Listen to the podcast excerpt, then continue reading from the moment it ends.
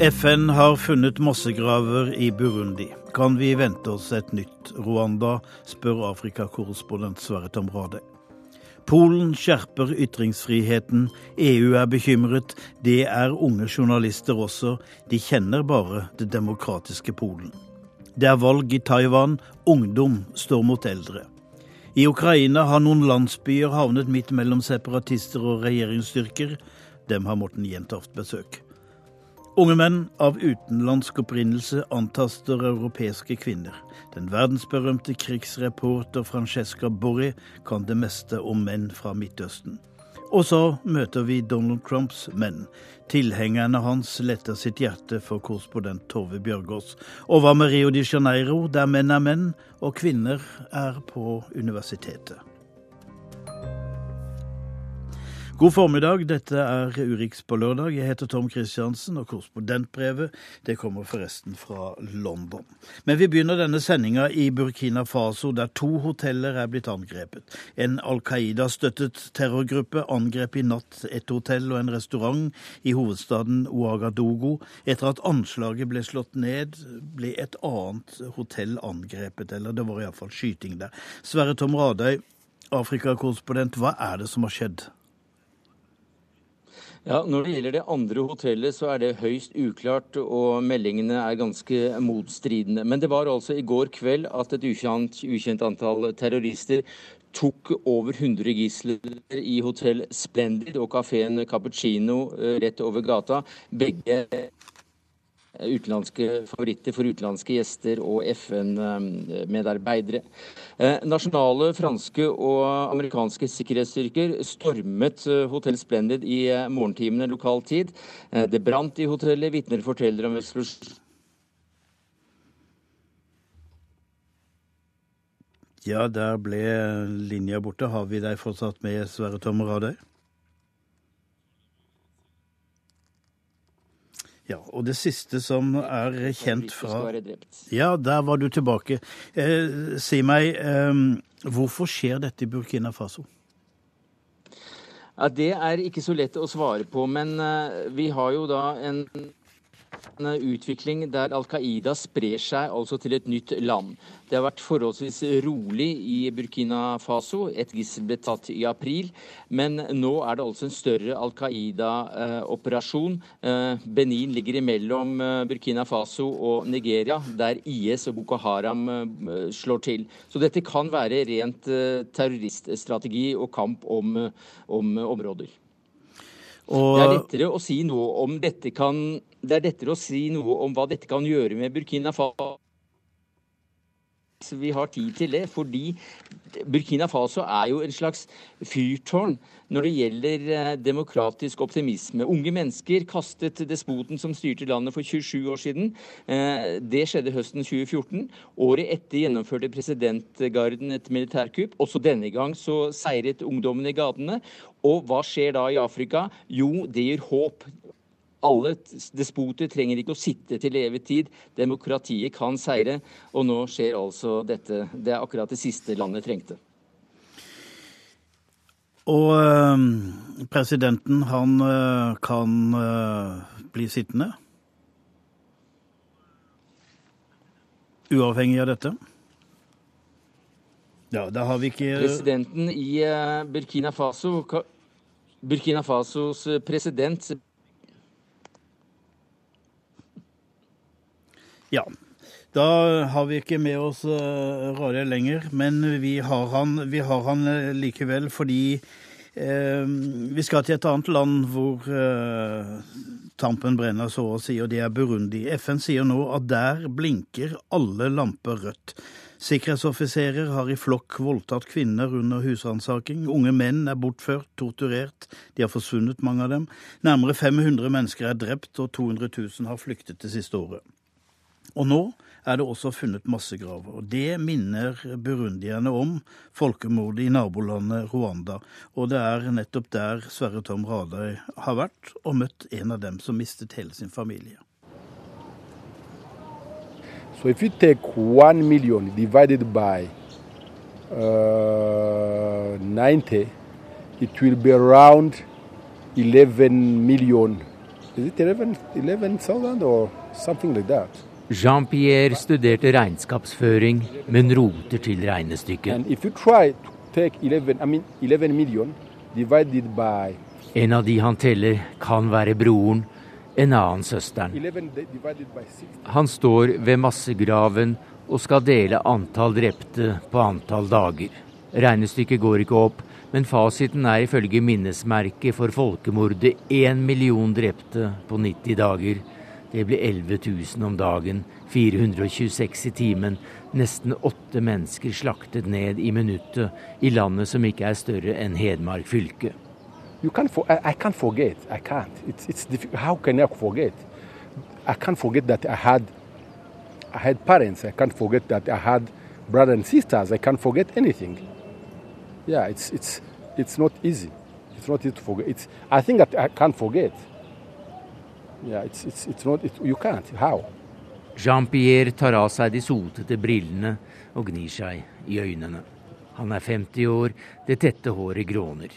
Han peker på skiltet 'Ikke trå eller sitt på massegraven'. Resten av 250 000 mennesker bare her, under betonglokket. Nå er han bekymret for nabolandet Burundi.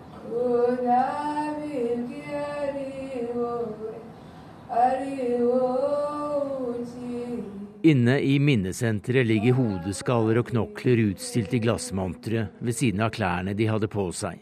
Og fotografier hentet ut fra familiealbum. En far ler med datteren på skuldrene. Døde alle sammen. Drept med macheter og hjemmelagde klubber. Folkemord. Uh, your parents were shot? No, no, they were killed by machete. You know, during the genocide, to be shot, it was like a privilege. You have to pay to be shot. So my, they, were, they, they were killed them by ma- ma- machetes. Moren og faren ble drept med macheter. Selv kom han seg unna. I hid in a septic tank for two months and uh, 15 days. But I survived. Jean-Pierre vet hva som skjedde med moren. Faren fant han levningene av for ti år siden. Tre brødre og to søstre vet han også hvor ligger. Nå leter han etter svar på hva som skjedde med de to siste, med lillebroren. You know, me, uh, myself as a survivor, what I want to know is just what happened to my family exactly with every details, but no one can tell me, which is very difficult. Yeah.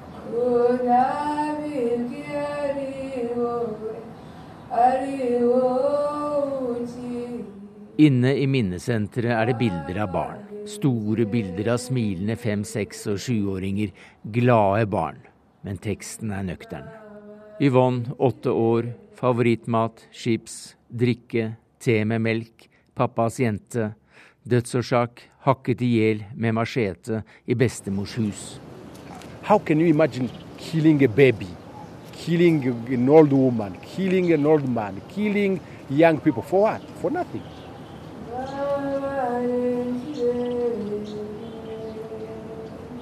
En gruppe katolikker ber og synger ved massegraven. I minnesenteret er kirkens menn sitert. Vi døper deg i Faderens, Sønnen og Den hellige ånds navn. Vi døper deg i blod, sa prestene og svingte machetene selv. Jean-Pierre er tutsi fra den gamle herskerklassen. Skilt ut som etnisk gruppe først da koloniherrene Tyskland og ikke minst Belgia kom. De delte oss inn etter formen på nesa, men hadde du over ti kuer, ja da ble det automatisk tutsi, sier Jean-Pierre. Slik sådde koloniherren frø som ble til hat. Det bygget seg opp og eksploderte i 1994. Nå er Jean-Pierre bekymret for hva som skjer i nabolandet, bare en to timers biltur unna, i Burundi. What is happening now in Bujumbura, it's like in, Rwanda just before the genocide. It's exactly like what was Rwanda in 90 before, before the genocide. So I think it's kind of preparation of genocide. Det samme skjer i Burundi i dag, det som skjedde rett før blodbadet begynte her i Rwanda, sier Jean-Pierre, og er ikke overrasket over FN-rapporten om gjengvoldtekter og funnet av massegraver i nabolandet. Killers was using raping as another weapon, try to give to put AIDS raping women. And I think it's the same thing in Burundi. Jean-Pierre ber om at verden skal bry seg mer denne gang enn da han selv mistet mor, far og sju søsken. What I ask to the international community is to intervene, to intervene now, not tomorrow, now, now, today. Because even in Rwanda, the problem was they was keeping, keep talking and talking and talking up to one million was, was killed. If you, you hear what's going on in Burundi, it's very possible that genocide can happen very easily.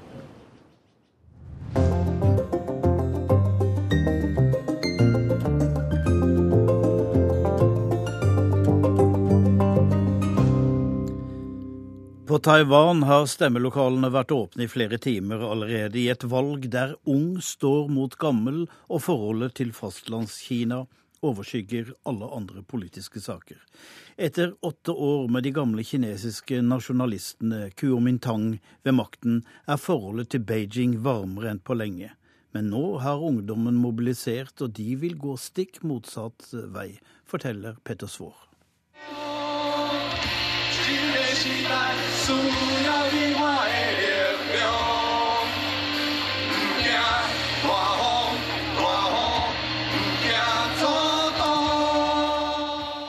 Vi kjemper sammen for den nye tid, og den trenger deg og meg, synger rockestjernen Freddy Lim. Og han kan mer enn å synge og turnere med det norske bandet Satyricon. Han kan bli valgt inn i parlamentet her på Taiwan i dag. Party, KMT, 他们,他们,他们不只是, they are not just from last century, they are from last last century, the century before last century. So they are like dinosaurs. De som sitter med makten nå, Kuomintang, er ikke bare fra forrige århundre, men fra århundrene før det. De er dinosaurer, forteller han meg, etter å ha holdt en stor konsert her i sentrum av Taipei i valgkampinnspurten.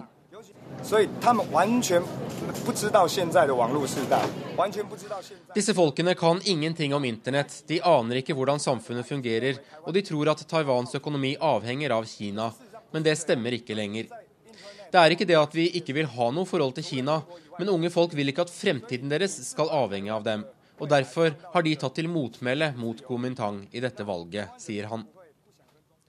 Freddy Lims tilhengere er studentgenerasjonen, de som okkuperte parlamentsbygget her i nær en måned i 2014 i protest mot enda en ny handelsavtale med fastlandet. De greide å torpedere hele avtalen, og en av dem som deltok i det såkalte solsikkeopprøret, var Chris Liu. I think the sunflower movement enlightened the whole generation, especially younger generation, because the sunflower movement encouraged young people to participate.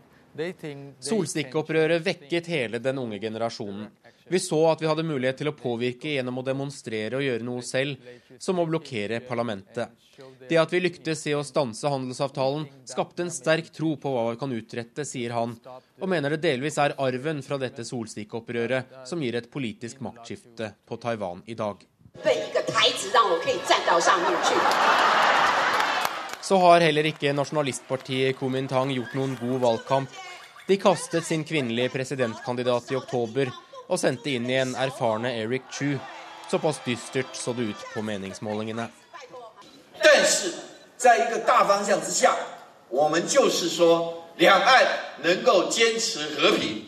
Det viktigste er at vi holder fred i Taiwan-stredet, at vi viser neste generasjon at vi ønsker samarbeid, sier presidentkandidat Chu men det er en overdrivelse å påstå at han har ungdommen med seg. Snittalderen her i den gamle kinoen vi står i sentrum av Taipei, nærmer seg nok pensjonsalder. Jeg tar med meg to av tilhengerne her over gaten på en kafé for en prat.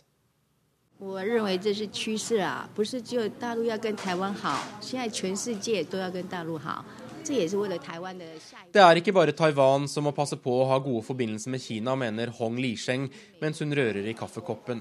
Hele verden må gjøre det. Om vi avviser Kina, vil økonomien vår lide.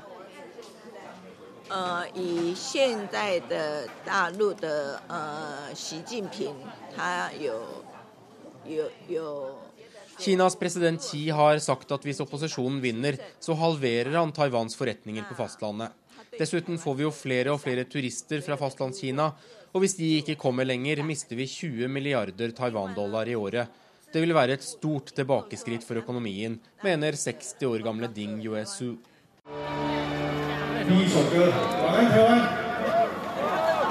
Men det er trolig den veien det går. Tsai Ing-wen fra opposisjonspartiet DPP vil etter alle solemerker vinne valget i dag, og dermed bli den første kvinnelige president ikke bare på Taiwan, men i hele den kinesiskspråklige verden.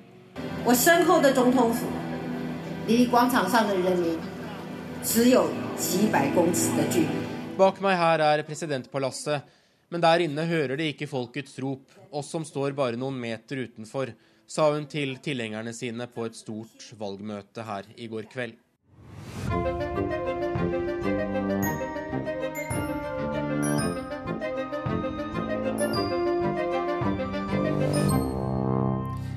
Hvor går Polen? Lov- og rettferdighetspartiet har innført lover kritikerne mener truer demokratiet, som må ta full kontroll over offentlige medier. Denne uka innledet EU gransking av Polen. I Warszawa møtte korrespondent Guri Nordstrøm en ung redaktør som knapt var født da Lech Wałęsa førte sin frihetskamp fra skipsverftet i Gdansk, og som endret landets historie. Redaktøren vet ikke om noe annet enn et demokratisk Polen, ikke før nå. Uh, we do not know how far uh. Uh, for sure, uh, taking control over the state, um, the public media, uh, and to subordinate to the to the party control uh, is the first step to take the control over the whole. Vi vet ikke hvor langt regjeringen vil gå. Å ta kontroll over de statlige mediene er kanskje bare første steg hvordan vil de neste stegene bli, spør Misjal Sjutovskij. I et avislokale i sentrum av Warszawa jobber han som en av redaktørene i magasinet Kritika. Et blad hvor det særlig er de venstreliberale stemmene som blir hørt. Stemmer langt unna Polens nåværende nasjonalkonservative regjering, ledet av Lov- og rettferdighetspartiet. Uh, uh, Sotovskij og kollegaene hans er alle i 20-årene. De er født etter Solidaritet og Lech Wałęsas frihetskamp på 80-tallet. Den gang Polen gikk foran og grunnla den første uavhengige fagorganisasjonen bak jernteppet. Den gang demokratiet var det fremste målet. Nå mener Sotovskij at Polen er i full revers selv om ikke alt var så rosenrødt før heller. Well, uh, in Poland, there is unfortunately a long tradition uh, of political parties and parliamentary majorities uh, to take control over the public media. So uh, the Law and Justice is not the first party in the last 25 years. But why are the protests now then? Uh, because I think that uh, the Law and Justice is turning bad into worse. For siden Lov- og rettferdighetspartiet kom til makten i oktober i fjor og utraderte alle partiene på venstresiden i nasjonalforsamlingen for første gang siden demokratiet ble innført, har de brukt tida godt. På få måneder har de vedtatt omstridte lovendringer som styrker kontrollen over offentlige medier og forfatningsdomstolen. Flere viktige posisjoner er nå blitt fylt av partiets støttespillere. The, the most important question is, are they going to um, try to subordinate uh, the uh, private media outlets as well? Do you think that will happen? Well, uh, in Poland, we say that it's an extremely hard task to be a prophet in your own country. Uh, so we cannot know that, but I think a lot depends on what will be the reaction of the uh, international uh, political community, and of course, and this is the most crucial thing, what will be the reaction of the Polish society. Det er ikke lenge siden Polen var den beste eleven i EUs Øst-Europa-klasse. Men nå er den tidligere mønstereleven satt under lupen. EU-kommisjonens visepresident Frans Timmermann sa denne uka at de nå skal gå nøye igjennom det som skjer.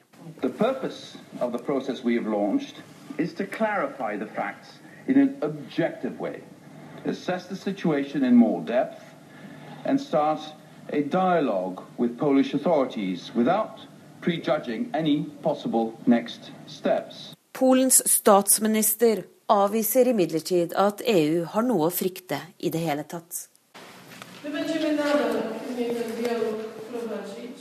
Kommisjonen kan selv komme og se hva som foregår.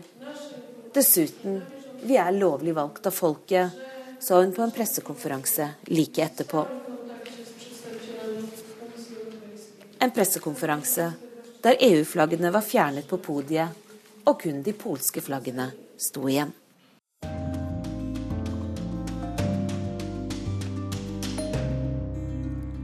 Det er våpenhvile øst i Ukraina. Likevel pågår en skyggekrig der partene prøver å sikre seg nye posisjoner.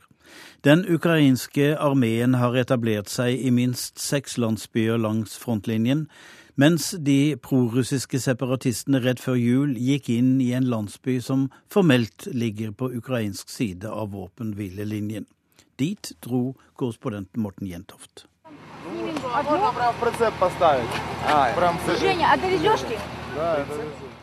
Det er livlig stemning for den nedslitte administrasjonsbygningen i den lille landsbyen Pavlopil, helt sør i Donetsk fylke Noen titalls mennesker, de fleste eldre, har samlet seg mens det lastes ned paller med brenselsbriketter fra to store lastebiler. Det er Det internasjonale Røde Kors som står for leveransene, som er mer enn velkomne. Эти брикеты, они важны для вас сейчас? Конечно важны. Тепло в доме. 65 år gamle Ljudmila Tsunkova er en av dem som denne onsdags formiddagen er svært glad for at hun kan få brennstoff til å varme opp i ovnen hjemme. Hun får hjelp av barnebarnet Nikolai til å frakte brikettene med en tilhenger bort til huset der hun bor, litt i utkanten av Pavlopil. Ну как что случилось? Оску... Ну снаряд упал, осколки, осколки полетели. Вы дома были? Да. For Lunmila Tsunkova og de andre opprinnelig knappe 1000 innbyggerne i denne lille byen, noen titalls kilometer nordøst for storbyen Mariupol, har vært gjennom to år de knapt trodde de skulle kunne oppleve. Selv var Ljulmila hjemme i huset sitt den kvelden for knappe ett år siden, da granatene begynte å hagle over byen. Oi, det var veldig skummelt. Oi, det var veldig skummelt. Oi, Bože, Bože. Det er vanskelig å forestille seg hvordan Ludmila og de andre innbyggerne i Pavlopil har hatt det her, midt på frontlinjen øst i Ukraina. Selv sier hun at hun var heldig da en granat falt ned rett utenfor huset hennes. Bare noen vindusruter ble ødelagt, forteller hun. Da konflikten i Ukraina mellom det nye vestvennlige styret i hovedstaden Kiev og prorussiske separatister øst i landet gikk over i full krig i 2014, havnet Pavlopil midt i skuddlinjen.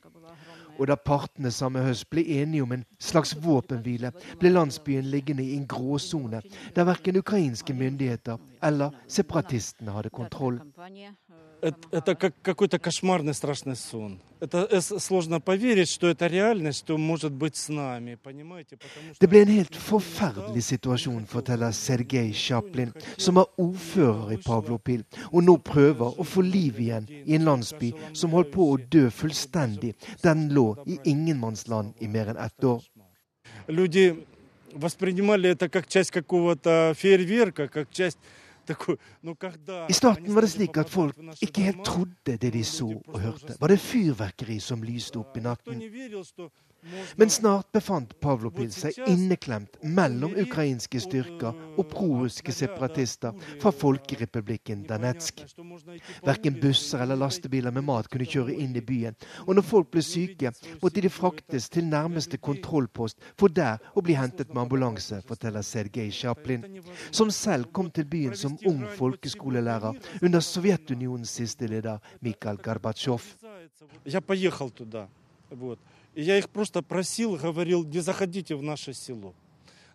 Sergej Sjaplin er en energisk mann som mer enn gjerne vil fortelle om hvordan han de siste årene har prøvd å holde kontakten med både separatistene og ukrainske myndigheter, for å sikre en minimum av service og trygghet for de innbyggerne i Pavlapol som ikke har flyttet vekk fra konfliktsonen.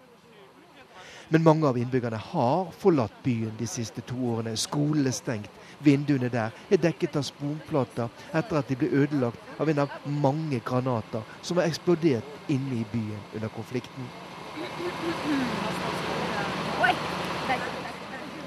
Men etter å ha befunnet seg mellom barken og veden, så gikk ukrainske styrker inn i Pavlopil i begynnelsen av desember i fjor.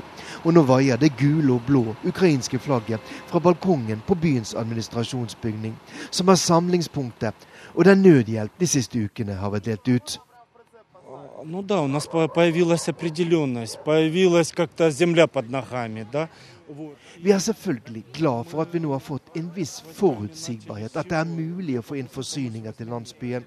At vi har fått ryddet minefelt, sier ordfører Sergej Chaplin. Men han er samtidig bekymret for at dette fort kan innebære en opptrapping av konflikten.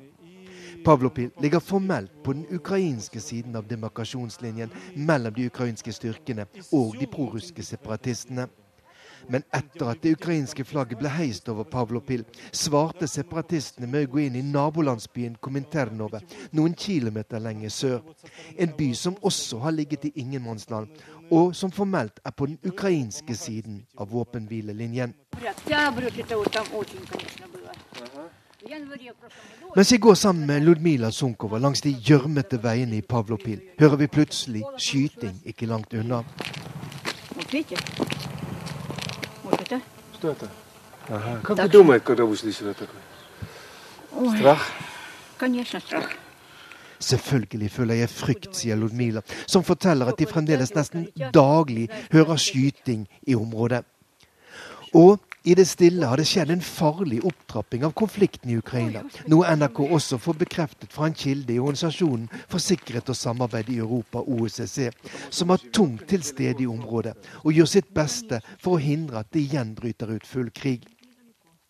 Dette skjer altså samtidig som et besøk til den russiske spesialutsendingen Boris Gryslov i Kiev på mandag, og møter mellom USA og Russland i Kaliningrad fredag denne uke, har gitt et forsiktig håp om bevegelse i fredsforhandlingene. Klokka er 11.30. Du lytter til Urix på lørdag. Hovedsak i dag er terrorangrepet mot to hoteller i det afrikanske landet Burkina Faso. 23 mennesker fra 18 ulike land ble drept i angrepet. Fire terrorister er skutt, blant dem to kvinner. Videre i sendinga vi skal høre korrespondentbrevet som kommer fra Espen Aas i London, men først om menn og hvordan de ser på kvinner ulike steder i verden. Som f.eks. i Køln, hvor 600 kvinner har anmeldt 1000 menn for å ha antastet dem nyttårsaften. Noe lignende har skjedd i Sverige og på bussen i Norge. Hvorfor? Er det religion, kulturforskjeller, massepsykose? Den nordiske respekt for kvinner er mer unntaket enn regelen i verden. Det vet den verdensberømte italienske krigsreporteren Francesca Borri alt om. Hun har rapportert fra Syria, Irak, Gaza, og hun advarer oss mot de enkle svar. We have thousands now of young men uh, who are. I mean, in countries that are completely new to them, totally lost and totally destitute. And uh, moreover, it's the first time in their life, I would say for all of them, or for sure the majority of them, the first time in their life they, they are without their family around. So they find themselves for the first time outside the social environment they grew up in, which is a strong social environment. Is this a Arab culture or is it Islamic culture or is it simply because that you are ended up by yourself? Uh, no, for sure it's nothing to do with Islam um, and nothing to do, nearly nothing to do with Arab culture. I would say that, you know, um, if I have to analyze what's going on, it's mob behavior, most of all. You know, we should. Uh, we should resort to crowd psychology, mob, mob psychology. It, it's a matter of social anomie. I mean, this is a breakdown of social norms and values for these young men. So suddenly you don't have any more a society around you providing you moral guidance. That's the main. Uh, that's the main issue.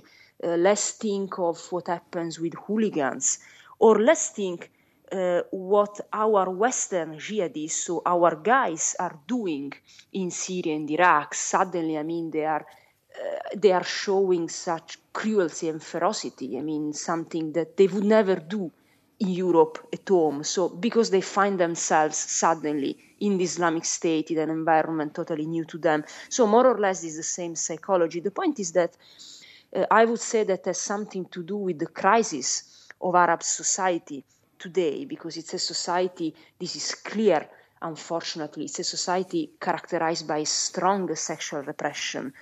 Um, I mean, in Iraq, when I was uh, the beginning of September, during the, the flow of refugees in Europe, at some point, all the all the Iraqis that you know arrived in Germany were sending selfies at home, and in all these selfies, I mean, the, the first thing was women in the street. For them, were, were, was amazing. So everybody was sending pictures of European women, say, "Hey, come here! This is heaven. This is paradise," and you know, nobody cared anything else. It was so strange for them to see, you know uh, women in the streets in that way. I mean, it's uh, of course you, you, see freedom. I mean, in, if you come from Iraq or especially from conservative Iraq or conservative rural Syria, it's something that you have never seen in your life. Yeah, how how do they live with women in uh, these societies? Uh, well, they don't live with uh, with women. There is total uh, separation, really. Tot- of course, you know, I'm not speaking of downtown Damascus or if you grow up in even in Baghdad. Baghdad is secular, uh, so I'm not speaking of capital cities or you know upper class people, uh, but I'm speaking of the majority of you know poor people, uneducated people. There is a complete separation between men and women, really complete. I mean you can't date somebody if you are not ready to marry uh, to marry her, which means that you must have a job, you must be able to start a family, to buy a house, and all the other things. Uh, for example, you can't drink a coffee or a tea, whatever, uh, in public. There are no, I mean, no relations between uh, if you are not a relative or if you don't have, you can't have any relationship with a with a woman you are not uh, somehow related to. They think that they can do whatever they want with Western women because they really believe that it's normal, because they really believe that this is the way we live in Europe, which is something probably also uh, you know, fueled by our movies or our TV shows. They really have a wrong image. When, you know, um, unfortunately, um, most of my Krigsreporter Francesca Borri sier at anslagene mot kvinner i Europa verken handler om islam eller arabisk kultur. Det dreier seg om mobbpsykologi og om hooligans. Dette er ungdom som for første gang er alene, uten slekt og naboers moralske kompass. De har aldri sett kvinner som dette før, aldri vært sammen med dem. Hjemme lever de helt atskilt fra kvinner og kan ikke møte det annet kjønn offentlig, med mindre kvinnen er slektning eller kommende hustru. Det første de gjør i Europa, er å ta selfie med tilfeldige kvinner og sende dem hjem. Se hvilket paradis. Unge menn, de er undertrykt av fedre, imamer og regime. Det er stor overgang å plutselig stå alene i det frie Europa. Men Borri minner oss også om at fremmedsoldater som kommer fra vestlige land, de deltar i bestialiteter i Syria og Irak som de aldri ville vært med på hjemme.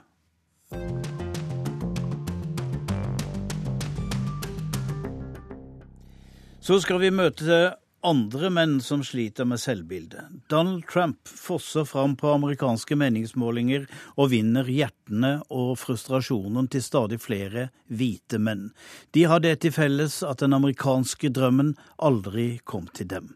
Tove Bjørgaas ble invitert med på gutterommet til en av dem.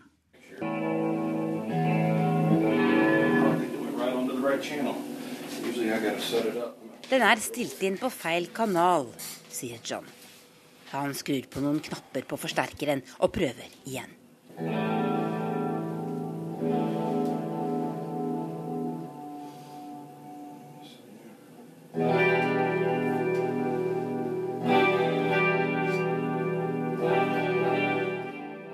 «37 år gamle John Polman sitter inne på rommet sitt i mammas hus.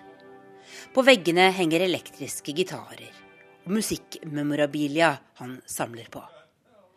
John har kamuflasjefargede shorts og en stor, svart caps på hodet. Egentlig mener han hele USA er stilt inn på feil kanal.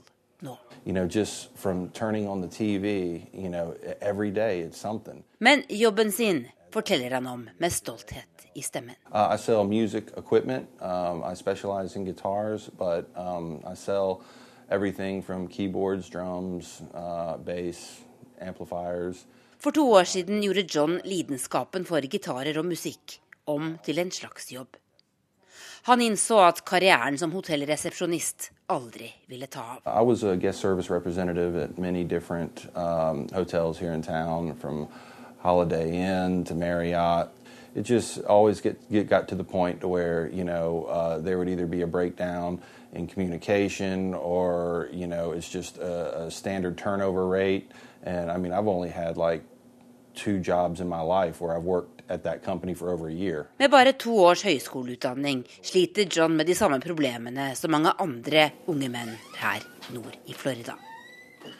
I den siste jobben han hadde, var lønna bare knappe 70 kroner i timen.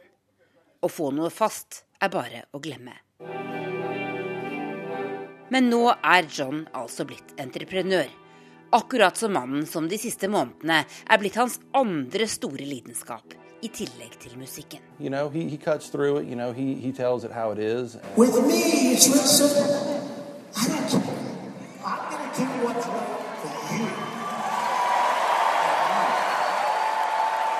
På onsdag fikk han ta selfie med helten sin, da han som en av nesten 12 000 mennesker møtte opp på det store konferansesenteret i byen Pensacola her ved Mexicogolfen.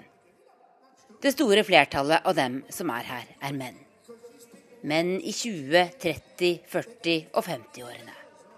Menn som ligner litt på John. Noen løfter knyttneven i været og kommer med engasjerte sinnarop når Trump snakker. Andre holder opp plakater hvor det står 'Den tause majoriteten støtter Trump'. President, President Trump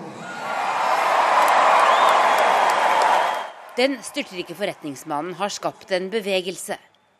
Milliardæren, som har en så totalt annen bakgrunn enn sine støttespillere, har blitt som en bestefar som lover å hjelpe dem til et bedre liv. Han leder mer på meningsmålingene enn noensinne. Ekspertene forstår ingenting. Det pleier å være den som får andre til å betale inn mest penger, som vinner valg her i USA. Ikke slike som Trump, som bruker sine egne millioner. Men mange menn her liker nettopp det. Uh, I'm just excited about his message. Uh, I think it's uh, what the Republicans need to branch out. For eksempel snekker Daniel Hubbard. Daniel må nøye seg med strøjobber nå. De faste jobbene han kan få, er dårlig betalt og lite stabile. The quality of the jobs are not there, and we've lost a lot of jobs to you know countries, to China, Mexico. You know, I mean, they've just gone. They've left the country. Vi er tilbake i det lille murhuset utenfor byen, der det er brunt vegg-til-vegg-teppe i alle rom. John Polman håper det blir Donald Trump som kan overta Barack Obamas jobb om et år. Da håper han å få en mer stabil økonomi. Han kan trenge det. Det er bare å glemme å leie egen bolig med det han tjener. Dessuten må han jo betale bidrag. Datteren på 15 bor hos sin mor et par kvartaler unna. John er redd for at kundene hans skal forsvinne. Men det er noe annet han vil ha hjelp av Donald Trump til. Noe som han frykter enda mer. Whenever I go into a place, the first thing I do is walk around the whole entire place, find out where every exit is, where every, you know, way to get out is quickly. And I've never done that. I'm like, you never know. Somebody could be coming in here, just terrorism.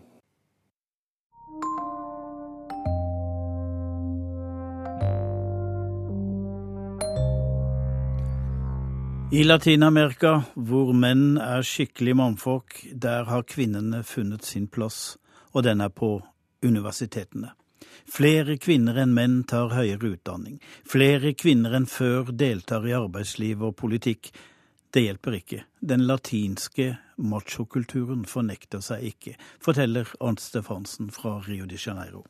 No, yo no sabía, ¿viste? Porque tenía atrás. Entonces voy y me, me, me hice una corazón. En chilensk 16-åring forteller om sitt vanskelige liv. Katja ble forlatt av sin kjæreste da hun ble gravid, og hun ville ikke ha barnet. Men i Chile er abort en forbrytelse, så nå er jeg mor og prøver å unngå å tenke for mye på fremtiden, sier Katja. Hennes historie er sørgelig velkjent, sier Kena Lorenzini i menneskerettsorganisasjonen Corporación Humanas. salido a la luz dos casos de niñas de 11 años. En el gobierno de Sebastián Piñera, una niñita de 11 años fue violada. Jenter på bare 11 år er blitt gravide og tvunget til å føde sitt barn. Under forrige regjering ble en 11-åring voldtatt av sin bestefar, og presidenten uttalte da at han hadde snakket med jenta, og at hun hadde lovet å passe like godt på barnet som sin yndlingsdukke. Det er denne galskapen vi lever med her i Chile, sier menneskerettsforkjemperen.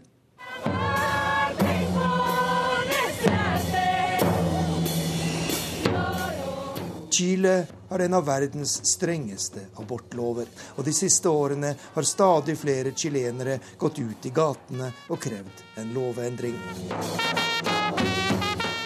I hele Latin-Amerika er det bare tre land som har fri abort, og i Chile og flere andre land er forbudet så strengt at ikke engang fare for morens liv og voldtekt mot mindreårige gir grunnlag for abort.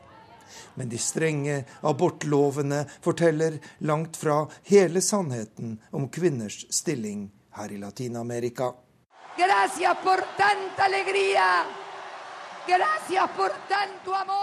Argentinas Christina Kirchner tar avskjed med sine velgere etter åtte år som landets president.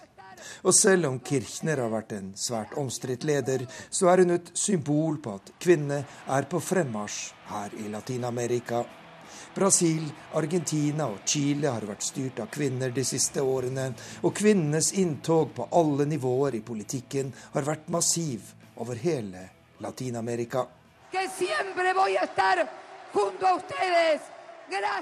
En stor undersøkelse fra Verdensbanken, Arbeid og familie, viser at kvinners deltakelse også er økende på to andre viktige områder arbeidsliv og utdanning. Det er nå flere kvinner enn menn som studerer ved universitetene her i Latin-Amerika, og siden 1980 er hele 50 millioner latinamerikanske kvinner blitt yrkesaktive. En sosial revolusjon, sier økonomen Ana Maria Alvarez. Y esto ha sido fundamental para nuestras sociedades y para el mundo. Dette er av fundamental betydning for våre samfunn og for verden. Den gamle forestillingen om at kvinners oppgave er å få barn og ta seg av hjem og familie, er kraftig svekket. Nå er det en selvfølge at kvinnene også skal delta i arbeidslivet, og at dette er nødvendig for å skape vekst og velstand i et samfunn. At latinamerikanske kvinner fortsatt gjør to til fem ganger mer husarbeid enn menn, er en annen sak, så det er fortsatt en lang vei å gå, sier økonomen.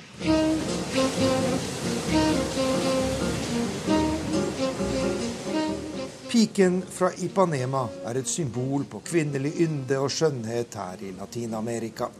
Hun var bare 17 år da den berømte sangen ble skrevet, og i et intervju for noen år siden forteller Elo Pinheiro hvordan hun ble kurtisert av de to låtskriverne Tom Jobin og Venicius Gemorais. Jeg passava og de faziam, Jeg gikk forbi baren på Ipanema der de pleide å sitte. De laget lyder og ropte 'kom hit, søta', men jeg var beskjeden og torde ikke å snakke med dem. Jeg svingte i stedet litt ekstra med hoftene da jeg gikk videre, sier piken fra Ipanema.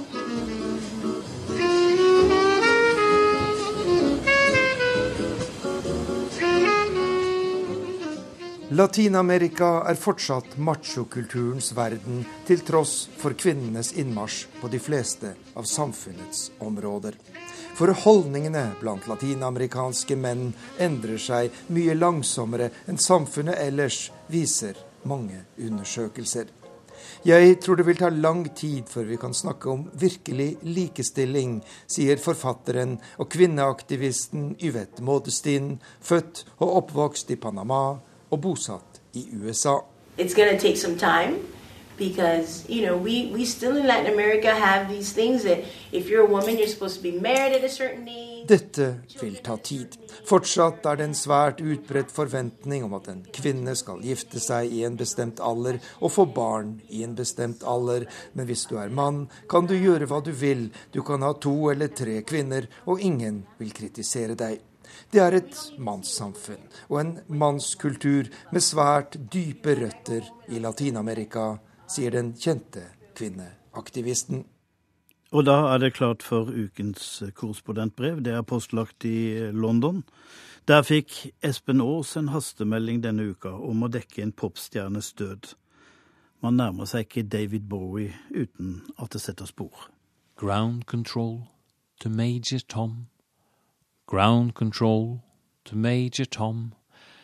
Det skulle bli denne sangen, det skulle bli denne teksten, som skulle fremkalle det lille innvendige hulket, eller hikste, denne mandagen, og refleksjonene etterpå. Jeg satt på toget fra Wimbledon til Vauxhall, hvor jeg skulle ta undergrunnen videre til Brixton, arbeiderklasseområdet i London der David Bowie var født og bodde sine første barneår. Jeg hadde ikke rukket å høre mye på David Bowie denne dagen.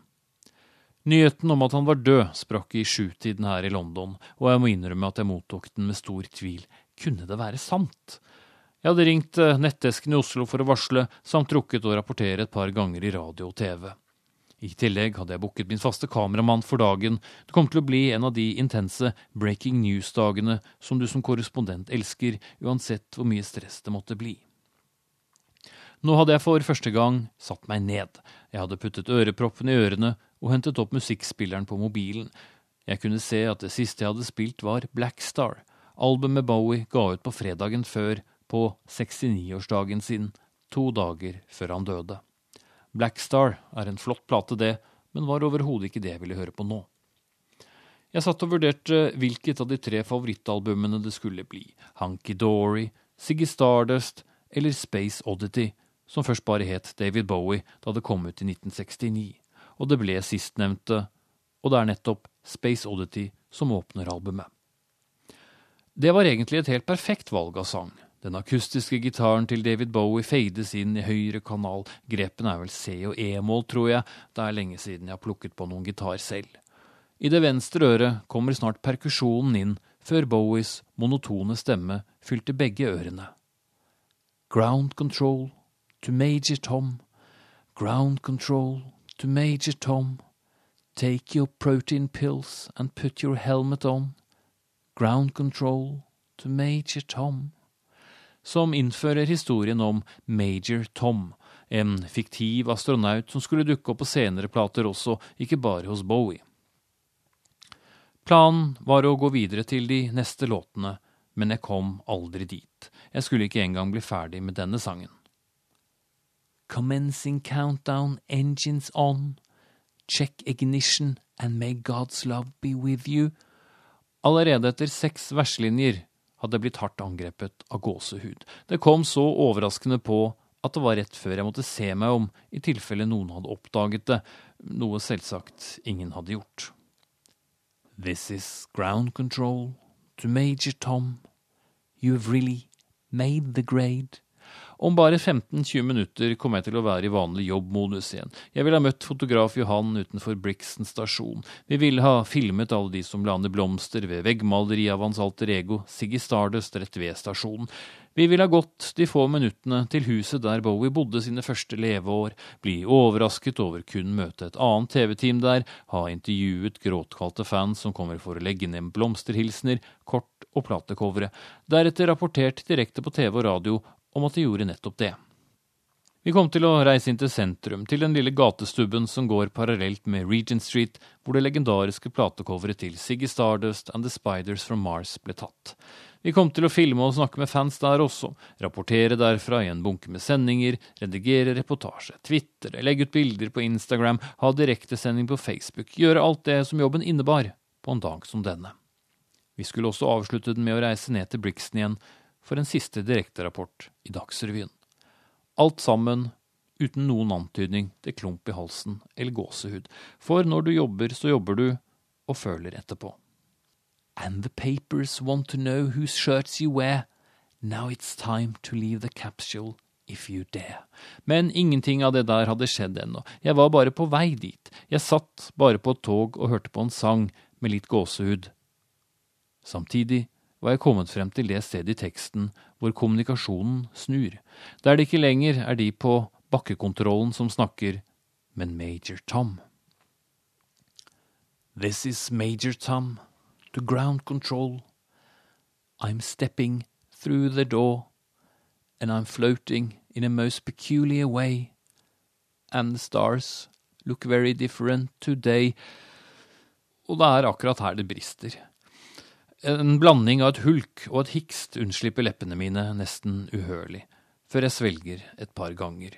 For i all sin absurditet føltes det som om det var David Bowie som snakket tilbake etter sin død, der han flyter rundt og sier at stjernene ser veldig annerledes ut i dag, og jeg må slå av sangen. For eh, hva var det som skjedde? Ble jeg gråtkvalt av teksten på en sang som ble utgitt fire år før jeg ble født, som jeg hørt haugevis av ganger før? Jeg ristet av meg og startet sangen på nytt. Ground control to Major Tom den monotone stemmen er tilbake. Så, etter 1 minutt og 50 sekunder, begynner det spesielle verset igjen, og akkurat det samme skjer. Jeg blir følelsesmessig overmannet på grunn av de linjene, skrevet av en mann jeg aldri har truffet, men som jeg for all del har hørt mine modige timer på, men langt fra artisten jeg har hørt mest på, langt ifra. Likevel denne reaksjonen. Snart hopper jeg av toget og tar de lange rulletrappene ned til undergrunnsstasjonen. Jeg plasserer meg helt i den borteste enden av plattformen, slik at jeg kommer i den bakerste vognen og følgelig kommer meg raskt ut av Brixton stasjon etterpå. Idet jeg ser inn i tunnelen, blir jeg minnet på en kronikk jeg leste rett etter nyttår. Skrevet av en mann som hadde opplevd et selvmord på Londons undergrunn, ikke så mange stasjoner unna der jeg selv sto. På vei hjem fra nyttårsfeiring ble han vitne til at en kvinne kastet seg foran toget da det kom rasende ut gjennom tunnelen. Mannen som skrev kronikken, var forferdet over reaksjonene til mange av medpassasjerene på plattformen. De ble sinte, kalte henne egoistisk og lurte på hvordan de nå skulle komme seg hjem. Fortsatt en anelse emosjonell etter musikkopplevelse på toget, tenkte også jeg at jo, det var en forferdelig måte å reagere på. Før jeg kom på at jeg selv har reagert på lignende måte, selv om jeg ikke har vært et direkte vitne til selvmord. Men hvert eneste år blir hundrevis av mennesker påkjørt av tog eller bane her i London. Rundt 80 er selvmord. Transportmyndighetene oppgir ikke lenger statistikk, i håp om at det kan forhindre at flere hopper foran togene. Men jeg har mang en gang hørt beskjeden over høyttalerne. Toget er forsinket fordi en person har havnet foran toget, eller som det nå gjerne heter, Toget er forsinket på grunn av en hendelse, som betyr akkurat det samme. Vel, jeg må innrømme at jeg hver gang har sukket oppgitt, hevet øyenbrynene og sendt av gårde en tekstmelding om at noen har hoppet foran toget, så jeg blir forsinket, vet ikke hvor lenge. Før beskjeden 'linjen er ryddet' kommer. Jeg har truffet de menneskene som avslutter sine liv foran togene akkurat like mange ganger som jeg traff David Bowie, altså aldri. Likevel to helt forskjellige reaksjoner. Av det naturlige dødsfallet er jeg nær ved å bryte ut i gråt. Av selvmordene har jeg blitt irritert. Mens mange av mine kolleger ofte rapporterer om døden i form av krig, konflikt eller naturkatastrofer, gjør jeg det sjelden her fra de britiske øyer. Folk dør før tiden her også, de dør kanskje i ulykker, i konfrontasjoner eller tar sitt eget liv, men det er uhyre sjelden at det blir nyheter. Akkurat nå var jeg et par timer inn i den mest massive dekningen av et dødsfall på mange år, for ikke å si ti år. I ettertid har noen ment at pressedekningen av David Bowies død var den største siden John Lennon ble skutt for 35 år siden. Jeg tror kanskje de glemte prinsesse Diana. Like fullt var alle nyhetssendinger ryddet for å minnes David Bowie på de flotteste måter. Det ble satt inn ekstra programmer på kveldstid, og neste dag hadde alle avisene side på side på side på side om en mann som selv flyttet fra de britiske øyer for over 20 år siden. Hvorfor? På en måte er det kanskje et paradoks sammenlignet med alle andre liv, men så overhodet ikke. I motsetning til dødsfallene vi aldri ser og hører om, hadde folk livslange forhold til David Bowie og musikken hans, og som mange sa det, han hadde vært musikken til livene deres. Og forskjellige folk lot seg røre av forskjellige tekstlinjer, og de sørget sammen i tusen og atter tusenvis. Da jeg den kvelden var på vei hjem, valgte jeg en annen plate å høre på. Jeg klarte ikke å høre på Space Oddity helt ennå. Og la det bli mellom oss, men hver gang jeg skulle lese inn dette ene verset til dette korrespondentbrevet, har jeg måttet gjøre det på nytt. Stemmen brister ofte ennå. This is Major Tom to ground control. I'm stepping through the door and I'm floating in a most peculiar way, and the stars look very different today. Der setter Urix på lørdag strek. Teknisk ansvarlig Espen Hansen. Produsent Ulf Tannes Fjell. Jeg heter Tom Kristiansen.